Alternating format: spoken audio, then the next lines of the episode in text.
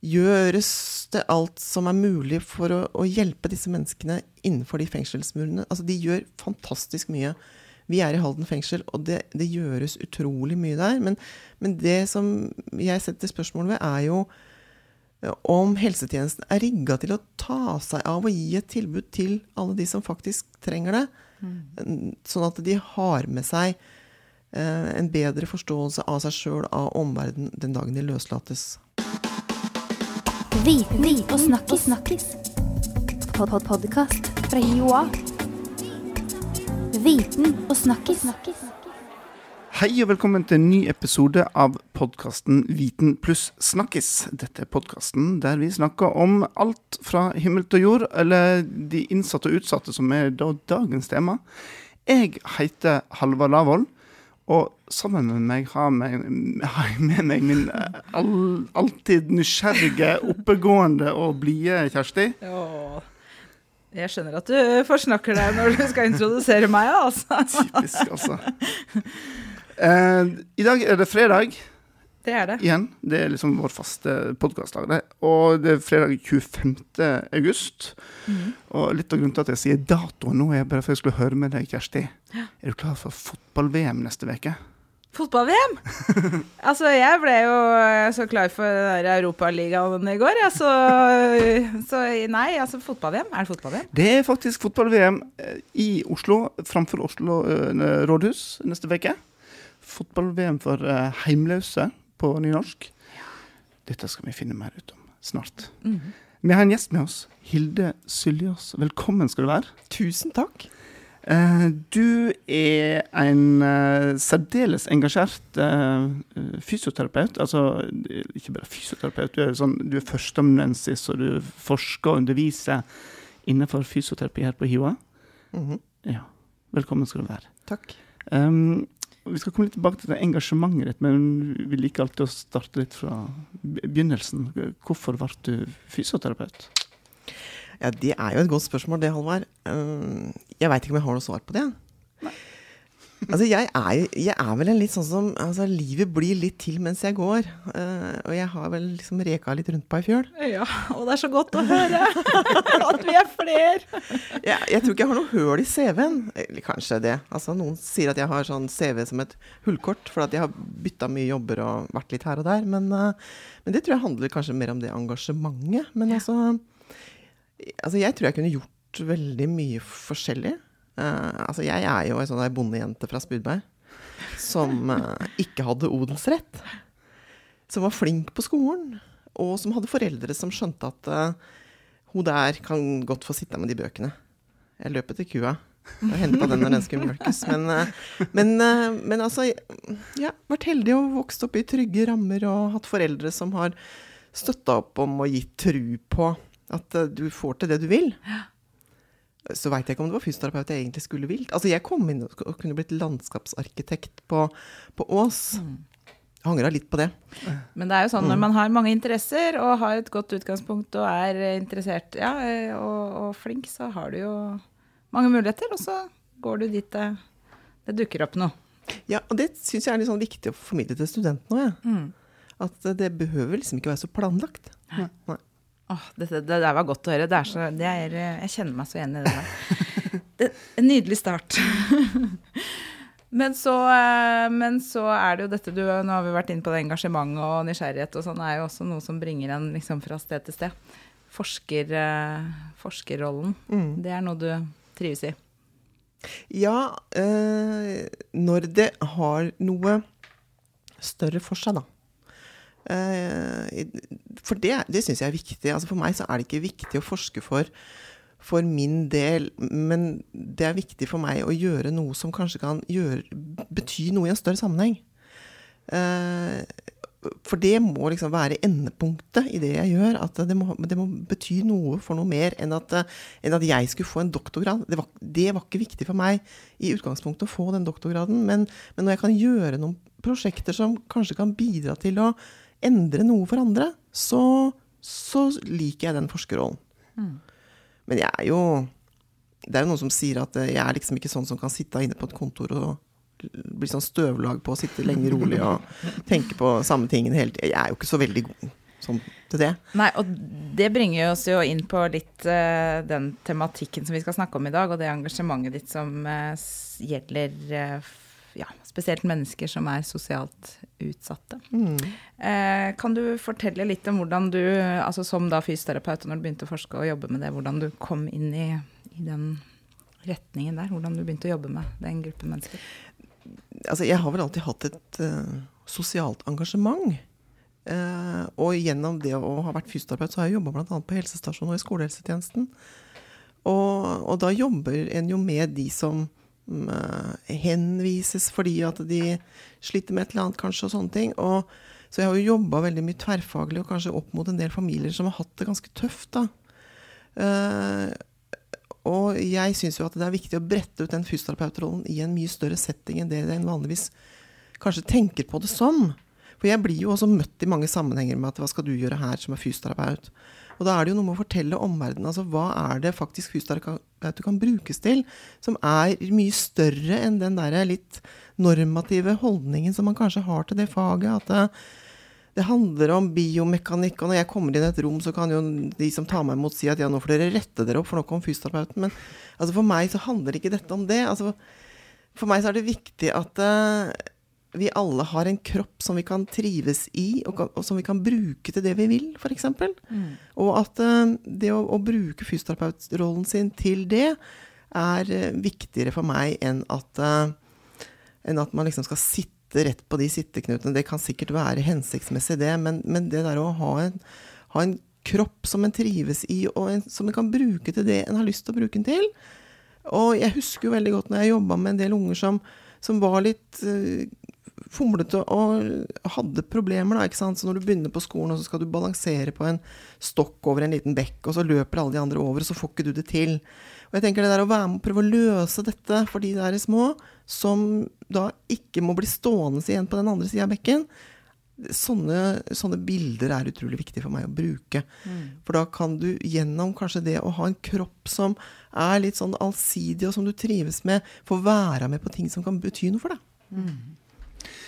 Du har jo bl.a. engasjert deg i, i fengsel med innsatte der, og du tar med deg studentene inn i, inn i eh, fengsel. Mm. Hva kan en fysioterapeut gjøre, bidra med eh, mot de innsatte? Det er jo ansatt fysioterapeuter i fengselet som nok kanskje har en litt sånn tradisjonell fysioterapeutoppgave med å ta imot de som henvendes kanskje via legen, eller som henvender seg sjøl og, og kanskje gjør en litt sånn tradisjonell fysioterapeutrolle. Men det som er viktig for meg, er jo at vi kan prøve å få slått den der lille kilen inn i fengselshelsetjenesten og i kriminalomsorgen, og vise at eh, for de innsatte, som vi veit at 90% av dem har psykiske plager. Så veit vi noe om at de har mange dårlige kroppserfaringer. Mange av de har rusa seg, og da har en, et litt spesielt forhold til kroppen sin, mange. Så, og, og det å gå inn og jobbe med det, og få en kropp og et hode som henger sammen, som også da kan kanskje gi deg et litt bedre forhold til deg sjøl, til de som er rundt deg, og til aktiviteter du kan være med på som også er mer lystbetont. Vi pleier jo ofte å si at uh, det er mange som ikke har kontakt med underlaget. Uh, og det ser jo også noen av de som jobber i fengselet, for de sier at eh, du vet hva, de som sitter nede på den avdelingen nå, de, de kan ikke ta imot en ball engang. Nei, Men hva handler det om? Eh, og hvem er disse her gjennom livet?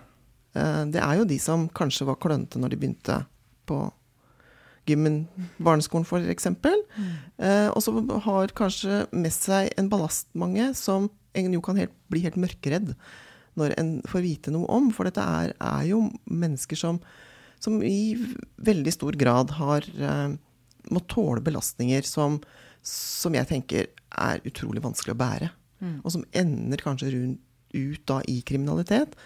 Og som skal gjøre opp for seg innenfor et fengsel. Og da er jo det store spørsmålet for meg altså Gjøres det alt som er mulig for å, å hjelpe disse menneskene innenfor de fengselsmurene? Altså, de gjør fantastisk mye. Vi er i Halden fengsel, og det, det gjøres utrolig mye der. Men, men det som jeg setter spørsmål ved, er jo om helsetjenesten er rigga til å ta seg av og gi et tilbud til alle de som faktisk trenger det. Sånn at de har med seg eh, en bedre forståelse av seg sjøl, av omverdenen, den dagen de løslates. Ja, for du, du sa jo dette her med at eh, hode og kropp henger jo sammen. Syke og det motoriske. Det, altså har man mye plager og sliter oppi hodet sitt, så vil det jo sikkert påvirke eller kroppen din og hvordan du knyter deg. Ja, alt mulig. Og dette her med eh, helsevesenet og ettervern For at én ting er liksom å gå til leger eller sykepleiere og fysioterapeuter og få råd om hvordan du skal eh, takle vondter sånn fysisk og psykisk. Men det handler jo om å liksom få dette til å fungere i hverdagslivet også. På et vis. Eller sånn i Ja. Ja, og det er klart at når du kanskje kommer inn til soning i rus, og så er du i den avrusningsprosessen, og så er du inne i den institusjonen der kanskje i veldig mange år. Og så skal du ut en dag, og så skal du lage det livet ditt sjøl. Vi må ha en forståelse for at det er vanskelig. Og jeg tenker at det er veldig viktig at vi, at vi gjør det vi kan for å prøve å, å, legge til rette. Og det gjøres veldig mye i forhold til at de skal skaffes bolig, skaffes jobb. Men de har ingen venner, f.eks. Altså, de må ut og finne seg et nytt nettverk. Altså, hvem av oss er i stand til det sånn fra den ene dagen til den andre? da? Det er, dette er ikke veldig lett. Og så er jeg også litt bekymra for altså, den medisinbruken som, som jo da er i fengselet. For veldig mange av de, skjønner vi, bruker sovemedisiner. Og da er jo spørsmålet mitt altså Kunne vi gjort andre ting, f.eks.? Som kan gjøre at du får en bedre søvn uten så mye medikamenter. Fordi at hvis du drar ut av fengselet med medisindosetten full, så vet vi jo litt altså, hvor de havner hen. Fordi at de, de har jo kanskje ikke de relasjonene som vi tenker at de bør ha for å gå et annet sted enn til det stedet de kom fra når de gikk inn til soning. Mm. Hva sier studentene dine da om å, å ha praksis uh, med denne gruppa her, og bli med inn i fengsel og sånne ting? Er det spennende? Eller ja, ja, det er veldig spennende. Og det er sånn at den første dagen de er med dit, så, uh, så veit jeg ikke om de får med seg hva som blir sagt, for da møter vi lederen i fengselet, og han snakker om hvordan dette fengselet er organisert. Og jeg vet ikke, hvis du spør de dagen etterpå om de kan huske noe av det, så, så, er jeg usikker. Fordi at spenningsnivået er veldig høyt. Og sånn var også jeg de første gangene jeg var der. at Det er jo en, på en måte en litt annen verden. Selv om når du er i Halden fengsel, så glemmer du jo veldig fort at du er på innsida av et fengsel. Fordi at det er fantastisk arkitektonisk utforma. Det er satt av et stort område der som der furutrea står fremdeles. Det er ujevnt underlag, det er motbakke. Altså det er jo litt sånn natur, da. Og jeg snakka med en innsatt en gang som sa det at eh, Sjøl om jeg fra vinduet i cella mi ser den muren der borte, så er det trestammer imellom mm. som gjør at jeg tenker ikke over at det er en fengselsmur. Mm. Så det er, det er, et utrolig fint sted, men, men, det er mye som skal jobbes med inni der. Og du kan få gode skoletilbud, du kan bli kokk, og du kan bli bilmekaniker, og jeg vet nesten ikke hva du ikke kan bli. Altså, du kan ta studiespesialisering, som det vel heter. Jeg er ikke så god på videregående skole. men, men, ikke sant? Og de har jobbtilbud, og de har restaurant inne i fengselet, og, og, mye sånne ting. Men jeg tenker at det, eh, vi, vi, må snakke om altså hva, hva, er det vi fra helsesida kan kanskje tenke annerledes om overfor denne gruppa. Mm. Og jeg er i hvert fall veldig opptatt av at det, eh, vi må prøve å få ned kanskje sånne ting som bruk av sovemedisiner. Fordi at eh, det betyr at du får ikke sove. Og da er spørsmålet hvorfor får du ikke sove da? Mm. Um, på torsdag når vi har konferanse, så kommer Trond Henriksen. Som jo fikk klint ansiktet ditt utover VG for mange år siden og stempla som Norges farligste mann. Uh, og han sier jo det at det er ikke noe sted å ta ut følelsene i fengselet før etter celledøra låses om kvelden. Og da må du ligge og gråte nedi puta, for at du, de andre rundt deg må ikke høre at du er svak. Mm. For det er et hierarki ja. blant de innsatte i fengselet. Så vi skal snakke litt mer med han om det på torsdag. Mm. Spennende. Ja, for nå refererer du da til en, eh, en konferanse som du og ditt eh, forskningsprosjekt eh, arrangerer, som da handler om eh, hvordan man skal eh, inkludere eh, personer som er sosialt utsatt i samfunnet igjen, da. Mm. Mm. Men så begynte vi jo, Halvard, eh, å snakke om fotball. Nå liksom, sitter sikkert folk og tenker sånn har fot, Hva har fotball med dette vi har snakka om eh, nå, til nå å gjøre? Men eh, Du fortalte jo da at du har med studentene dine inn i fengselsarbeidet og det prosjektet i fengselet. Og så har du også da fysioterapistudentene dine med deg inn i et annet prosjekt, som da er VM i gatefotball, som eh, begynner nå i Oslo på Rådhusplassen eh, tirsdag 29. Eh, fortell. Hva er dette for noe? Ja, hva er dette? Dette er jo et av verdens største idrettsarrangement. Eh, Det kommer 700 stykker fra hele verden. Og i år er det Norge som er arrangør. Og det er Frelsesarmeen som er mottaker og er arrangøren av dette i Norge. Og dette er et VM som går hvert eneste år. Målet er at det skal gå i Europa og utenfor Europa annenhver gang. Og jeg har vært med på dette siden 2013. eh, Og kom med via en dansk kollega på Metropol, som jeg reka rundt på ei fjøl og tilfeldigvis traff på det òg. Eh, og så hadde han et engasjement i eh, det som heter Ombold i Danmark, som er gatefotballen i, i Danmark. Eh, og så sa han at eh, kunne ikke vi Jo, det kunne vi sikkert.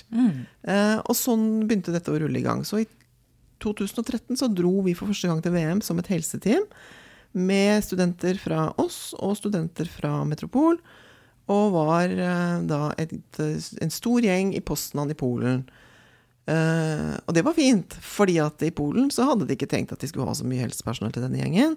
Så de hadde nå eh, stilt opp med en gammel ambulanse og to personer som Jeg vet ikke om de hadde førstehjelpskurs, ja, så da gjorde vi mye rart, Så, altså. så dere fungerer da som en sånn støtteapparat, medisinsk støtteapparat for Ja. deltakerne der. Men dette her, altså, det er altså deltakere fra hele verden, som du sier, og det er for hjemløse og altså de som spiller gatefotball, det er hjemløse i, i, ja, i ulike land i verden. Men i Norge så er det jo Frelsesarmeen som står bak, stemmer det? Det stemmer. Ja. Ja. Hvem er det som er med på dette? For det, dette er jo et tilbud som er, går gjennom hele året, som er ja. Ja, Frelsesarmeens rusomsorg har jo gatefotballag i mange byer i Norge. Uh, og det er jo de i Oslo som vi samarbeider mye med. Og de spillerne kommer jo også og får behandling på poliklinikken av studentene. Okay. Mm. Uh, og de som er med i Norge, de er vel nesten uten unntak fra rusomsorgen. Mm.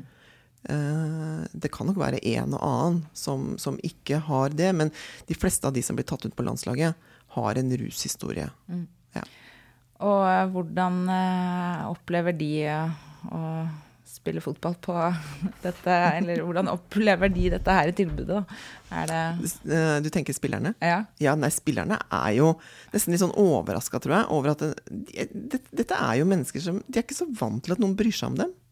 De er ikke, de er ikke så veldig vant til å få hjelp. Så det at de kan komme når vi er på arenaen I år får vi kjempefint telt rett ved siden av saniteten, så da samarbeider vi med de. Og så har vi behandlingsbenker, og så har vi veldig ivrige studenter, og så har vi minst like ivrige lærere der nede. Og så eh, får de hjelp til forhåpentligvis å kunne forebygge litt, og så skjer det jo en del ting. Det skjer mye kner- og ankelskader. Og så jobber vi med det. Kan liksom jobbe med det gjennom hele mm, turneringen. Og så uh, håper vi jo det at eh, det både blir nok å gjøre for oss. Det har jeg aldri opplevd at det ikke blir. Uh, nå har jeg gjort dette her i mange år, og de studentene har jo en fantastisk læringskurve gjennom den uka. Så de har rett og slett praksisperiode, en del av praksisen sin, som da er obligatorisk, Ja. en del av, av studiet. Det Ja. har de der nede på gatefotball-VM. Ja, i år ble det sånn. Ja, og da, men ja, hva, hva Hvordan tenker dere? Hva lærer de av det, liksom, bortsett fra det de faktisk skal utøve av fysioterapi? Jeg tenker at de, For det første så skal de gå nå i en uke i en stor gruppe med mennesker som er helt annerledes enn de menneskene man kanskje møter ellers. Det er jo også noe hvem fysioterapeutstudenter er. Eh, De kommer jo ofte fra veldig sånn godt møblerte hjem. eh, Og, og har jo ikke så mye kontakter i dette miljøet sjøl. Så, så bare det å være i det miljøet Nå hadde jeg med fire studenter når vi var på NM i Tønsberg i våres. Og da sier jo de studentene allerede etter to dager at Og det er så hyggelig å hjelpe dem, for de er så takknemlige. eh, og de er så åpne, og de forteller gjerne, og de gjør ikke noe om vi gjør en liten feil. Altså setter teipen litt sånn mer på skrått enn han kanskje skulle vært. eller et eller annet sånt. Det er en sånn det er en stor raushet i, i den spillergruppa. Og så tenker jeg at det, de også erfarer veldig mye, er at eh, de kan gjøre ganske mye for denne gruppa med enkle midler. Fordi at dette gjør at folk som ikke føler seg sett, eh, ikke er så vant til å få hjelp, altså faktisk kan få det på et sånt arrangement, det gjør ganske mye. Og så har de kanskje også en del andre ting som de har dratt med seg, som vi også kanskje kan hjelpe de litt med da når de faktisk er her. Og så tenker jeg også det at studentene faktisk er der. Studentene må ut og møte spillerne. Helsevesenet er jo rigga litt sånn at eh, nei, du får en time klokka ti. Og hvis du da kommer ti over ti, så får du nesten en sånn derre at noen kakker på klokkeglasset sitt, liksom. Mens, eh, mens, her er det sånn at vi må være litt mer sånn oppsøkende. Mm. Med mindre de kommer på båre inn i teltet og sånn. Det skjer også. Men, men, jeg tenker at her må du liksom vise deg fram, si hei til han som du behandla i går. Hvordan har du det i dag? Mm. Så, det å, så, det å, snu litt den der rollen, det tenker jeg at de studentene lærer utrolig mye av. Og så får de en veldig respekt. Det sier de som har vært med i fengselet. Altså, de får et helt annet bilde av hvem er faktisk de menneskene som sitter i fengsel. Mm. For de er også mennesker. Og det sier de også når de har vært med på dette, og når de har vært i praksis på Gatehospitalet. Altså, de går liksom ikke lenger en bue forbi en rusmisbruker de møter ute, men de ser at det er et menneske der. Og det er kanskje det aller viktigste for meg. Om det blir så himla mye bedre til å teipe jeg vet ikke om det betyr, altså For meg så betyr ikke det så veldig mye, men det som, det som betyr noe, er jo faktisk at eh, de tenker at det, vet du hva, her er det en menneskegruppe som får veldig lite. Kanskje det er noe jeg kan jobbe med. Så kan vi brette ut det fysioterapifaget mye mer enn det vi gjør i dag, og, og, og finne nye områder å gå inn på. Mm. Det, det høres ut som at studentene er veldig heldige som får lov til å være med på dette. her. Det høres spennende ut. Ja. Så jeg skal bare ta, altså Da er det altså fotball-VM for de heimløse framfor Oslo rådhus. 29. til 5. september. Det er masse bane og mye som skjer der nede? Ja, der, der, er det mye. Altså, Frelsesarmen har jo et motto at altså, gatefotball mer enn bare fotball. Uh, og det blir mye mer enn bare fotball. Um, der blir det konserter, og der er det mye annet som skal skje. Og jeg vet at har en, altså spillerne har en halv fridag, det er fredag første. Og da skal Skogselskapet ta det imot et eller annet sted der det er noe hyttebygging. Og så skal alle spillerne være med og liksom få legge en planke inn i den hytta, eller ja, et eller annet sånt. Mm. Så dette blir jo en stor opplevelse for alle de som kommer fra, ja, fra alle land for å delta i dette her. Som de blir godt tatt vare på, spillerne. Ja, og det syns jeg når, når jeg treffer norske spillere som har vært med for mange år siden. For dette har jo pågått i over ti år. Eh, så er det det de snakker om. Da jeg var med til Mexico, og det er lenge siden, altså, det er før min tid altså, det, det, betyr så veldig mye for den enkelte, og derfor er det også viktig at vi kan være til stede og gjøre det vi kan for at dette skal bli en best mulig opplevelse. Da. Og så da, Konferansen må jeg bare nevne 31.8. Ja. En heldagskonferanse. På engelsk 'Being Marginalized Opening Doors to Participation'. Mm. Kort om hva er et tema for uh hva er det dere snakker om? Nei, det var jo denne jeg syns egentlig skulle hete 'Innsatte og utsatte', vet du, Halvard. Men, uh, men, vi skal jo prøve også å få opp noen, noen uh, internasjonale deltakere fra arenaen den dagen. Så derfor så skal halve dagen gå på engelsk. Fra lunsj så er det på engelsk. Uh, og det som jo er viktig med den dagen, er å gripe tak i tematikken. Dette er jo også verdens overdosedag. Så, så, så, det som er viktig, er jo da å, å vise Altså hvem er disse? I hvilken, hvilke sammenhenger har vi lykkes med å få de til, og hva er det som er problemet? Eh, kan vi komme oss et lite stykke videre til å tenke altså, hvordan kan vi møte de på en bedre måte? Eh, hvordan kan de inkluderes bedre i samfunnet? Altså, jeg tenker at det, vi har det best, de fleste av oss, hvis vi får lov til å bruke oss litt. Mm. Så hvis jeg kan ta i bruk den delen av meg som kanskje ikke er en 100 mulighet til å jobbe, men, men at jeg kan få, få, delta litt på noe, sånn at jeg føler meg nyttig et eller annet sted, mm. det tenker jeg er utrolig viktig. Det tenker jeg Ja, det var en fin sånn avrunding, egentlig. For det handler om, uavhengig om det, du jobber, er fysioterapeut eller du jobber i helsevesenet eller hvem, hva du nå driver med. Dette handler jo egentlig om å være litt medmenneske og være mm. der til stede for hverandre. Mm. Hvordan møte mennesker som er annerledes enn deg selv, og som har andre utfordringer enn deg sjøl, osv. Så, videre. mm. så her tror jeg alle har noe å lære, både av å møte opp eh, nede på VM i gatefotball og se glød og engasjement og ja, idrettsglede blant eh, alle mulige mennesker. Og også da ta en tur på konferansen og høre om hvordan man skal jobbe med disse menneskene. Ja, det syns jeg absolutt at alle skal, som har en mulighet. Jeg tror ikke det er til å unngå hvis du er i byen nå, at det, at det skjer noe på Rådhusplassen. Vi stikker ned, Halvard, ikke sant? Vi skal eh, ned, og eh, du som hører på, i i blogginnlegget til denne podkasten så vil du finne lenke til alt vi har snakka om, så da kan du finne ut eh, mer. Lykke til, Hilde. Tusen Deg og takk. studentene. Det blir gøy. Ja. Tusen takk for at du kom innom og fortalte oss eh, om dette her. Og til deg som lytter på, tusen takk. Eh, hvis ikke du var klar over det, så var dette her episode 101, ikke minst. Eh, så Så det vil si at du har da 100 episoder å gå tilbake til å høre på. Ja. Så knock yourselves out. Yes. Eh, hvis du lurer på noe mer, stikk innom blogg.hiwa.no slash viten og snakkes. Der finner du alt du trenger å vite. Ha det bra. Ha det. Viten og snakkes. snakkes. Pod -pod Podkast fra Joa. Viten og snakkis. snakkis.